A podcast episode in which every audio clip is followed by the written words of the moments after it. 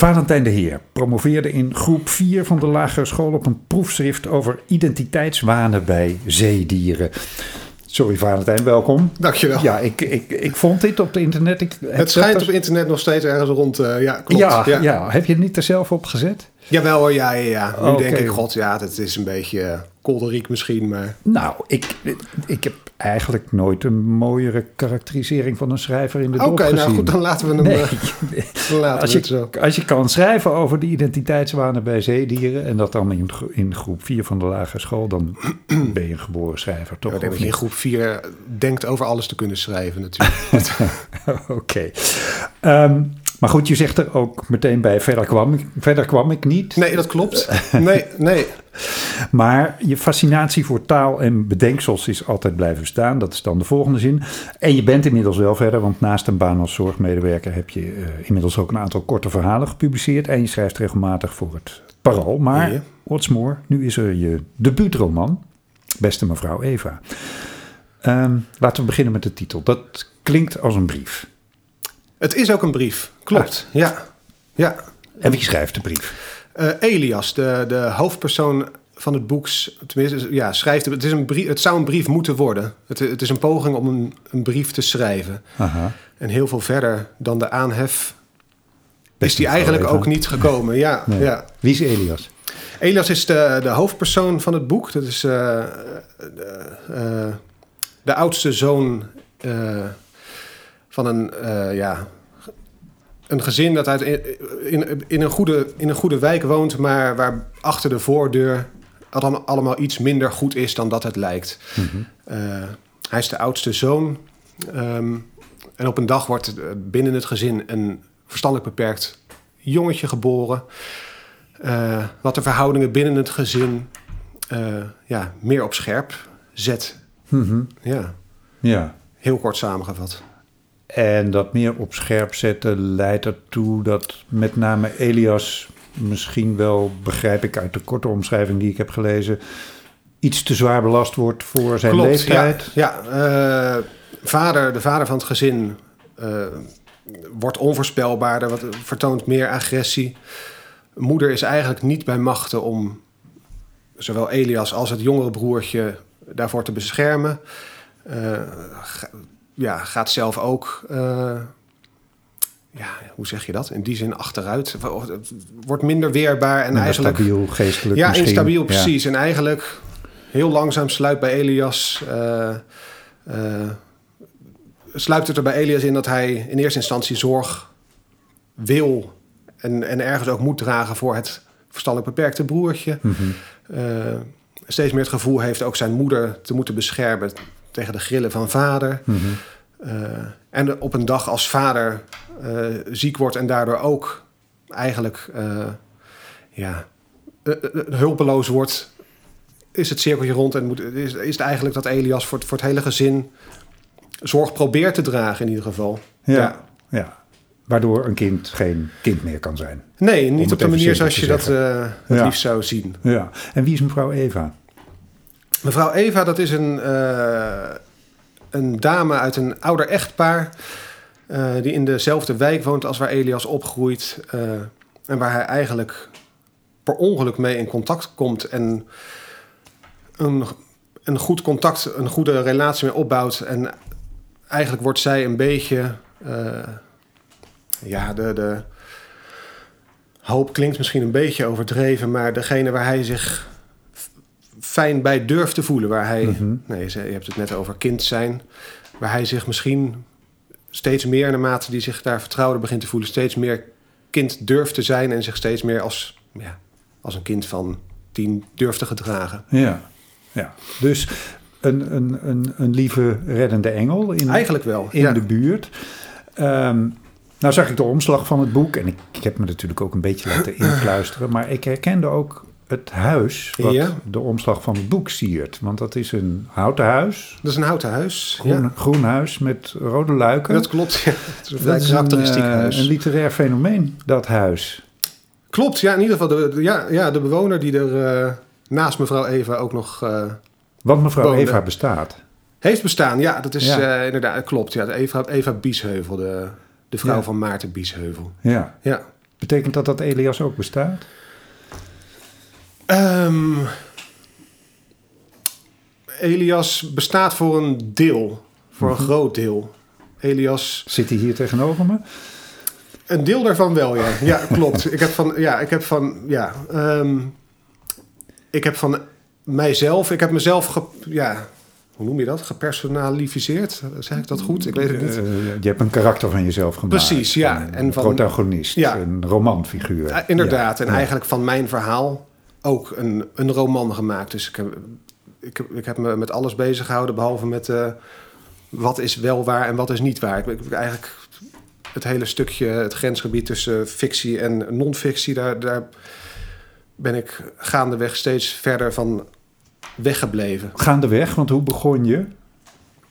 Ik, ik had voor ogen om gewoon mijn verhaal op te schrijven. Omdat, Mhm. omdat ik dacht, god, dat, eh, ja, waarom niet? Dat zou leuk kunnen zijn. En jouw verhaal is in grote trekken het verhaal van Ja, dat klopt. gezin. En, Ja. en het verhaal van Eva Biesheuvel, waarbij jij... Ja, dat is wel een van de vond? fictieve elementen. Ik, ik kwam daar inderdaad als Mhm. kind, want het huis staat in dezelfde wijk als waar ik ben opgegroeid.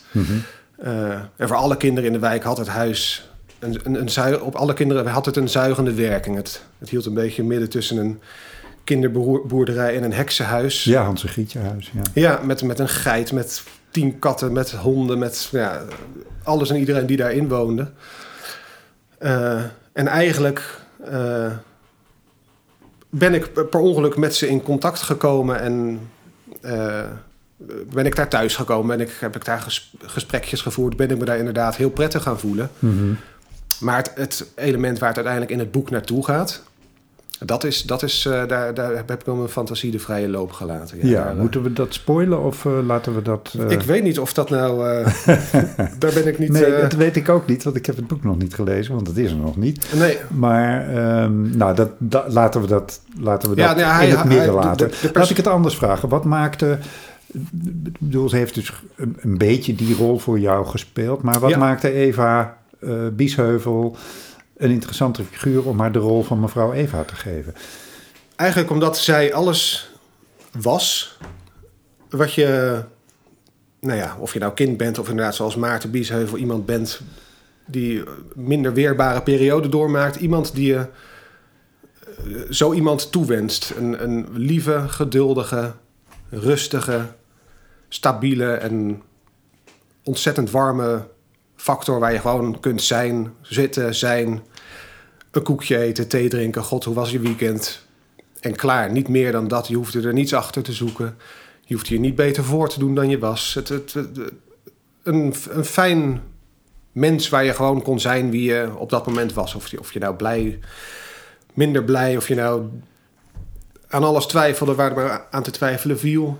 Het viel eventjes weg als, eh, als je met haar een koekje had. Ja, Ja. omdat het pretentieloos was, eh, zonder regels. Ja, zonder, inderdaad. eh, gewoon het zijn, het daar zijn, het daar zitten. Het Ja. wel iets zeggen of het niet iets zeggen. Het een spelletje doen. Het eh, Ja. uit het raam naar de geit in het gras kijken. Dat, ja. Ja.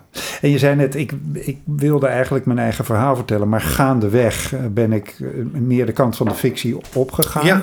Ehm, ja, wat ontstond er dan gaandeweg? Het Is dat- met de verstandelijke beperking is, is gaandeweg ontstaan. Dat ik Hmm. merkte dat als ik mijn eigen verhaal vertelde... dat het al heel snel zo'n... God, kijk eens hoe erg ik het heb gehad. En God, kijk eens hoe... eh, het werd een beetje een uh, meelijwekkende, trieste bedoeling. Ja. denk, ja, daar, daar, daar wil ik niet, eh, nee, daar wil ik niet aan meedoen. Nee. Dus ik heb eigenlijk het broertje in leven geroepen om, om te laten zien hoe, Eli, of hoe, hoe ik me gevoeld heb. Mhm. Eh, hè, hulpeloos, weerloos. Zonder dat het om mij gaat. Ik, ik wilde juist ook de hoofdpersoon de zorg laten dragen voor het broertje. Zodat niet de hoofdpersoon degene was die ja, de meelijwekkende figuur... eh, Nee. Ja, en dan heb je zo'n broertje, dus dan heb je een verhaal. En Ja. Dan moet dat verhaal zich ook ontwikkelen. Ja, inderdaad. Ja. Ja. En dan is dan, toen merkte ik wel dat ik op het punt kwam om vooral het, het, het los te durven laten. Niet meer bij iedere zin en bij iedere scène te denken: God, is dit wel precies gegaan zoals, zoals het in mijn herinnering eh, ja, geweest is. Hmm. Daar, dat heb ik steeds meer losge, losgelaten. Los Ja. proberen te laten. Ja, en eh, bedoel, je zei ik wilde geen, ja, geen klaagverhalen over mijn eigen leven maken. Ehm, als, je- als je het zo neerzet, dan is natuurlijk die figuur van Eva een hele lichte eh, figuur in het verhaal. Maar, maar de, de context is toch best somber. Is het een zwaar of een licht boek geworden? Of de prettige mengeling die het zou moeten zijn?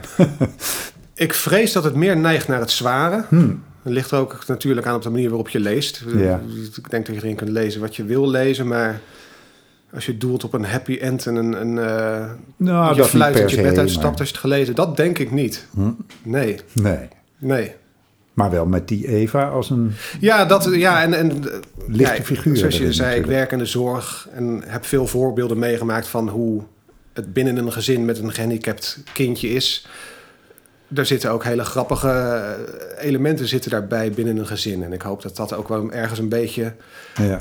misschien ergens wrijven geeft, maar ook dat het een, een beetje een wat lichter, eh, ja, iets lichts meegeeft aan het geheel. Ja. Ik weet niet in hoeverre Maarten ook aanwezig was in, in de werkelijkheid van jouw ontmoetingen daar in, in het huis. Maar is het feit dat je met de Biesheuvels in contact kwam ook nog een inspiratiebron geweest voor jou als schrijver? Ja, dat denk ik wel. En niet eens per se. Natuurlijk vind ik zijn verhalen heel fascinerend, vooral ook de verhalen uit het gekkenhuis. Maar meer de personen in mijn perceptie wa- waren schrijvers. Dat waren nou ja, zware literaire namen, eh, academisch, noem maar op. Het- In mijn perceptie was het in ieder geval was literatuur onleesbaar. en bij Maarten Biesheuvel is in die zin wel een voorbeeld. Eh, omdat hij heel beeldend schrijft, maar ergens wel heel. Je, je- je- je hoeft niet heel erg geleerd te zijn om te begrijpen waar hij het over heeft. Eh, maar wat me het, het meest aansprak was de persoon. De, hoe je inderdaad totaal niet aan het plaatje voldoet van, in ieder geval wat ik voor ogen had van een, een, een literaire held.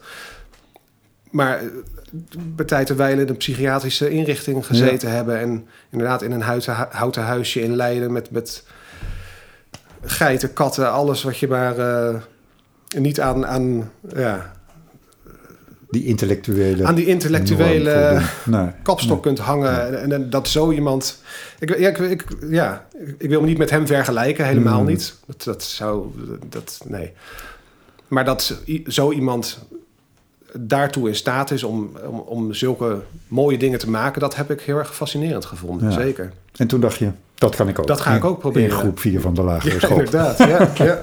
Nou, gelukt, want eh, daar is het. Nou ja, blijkbaar. Ja, Beste dat, eh, mevrouw dat is goed, heeft goed uitgepakt. Ja.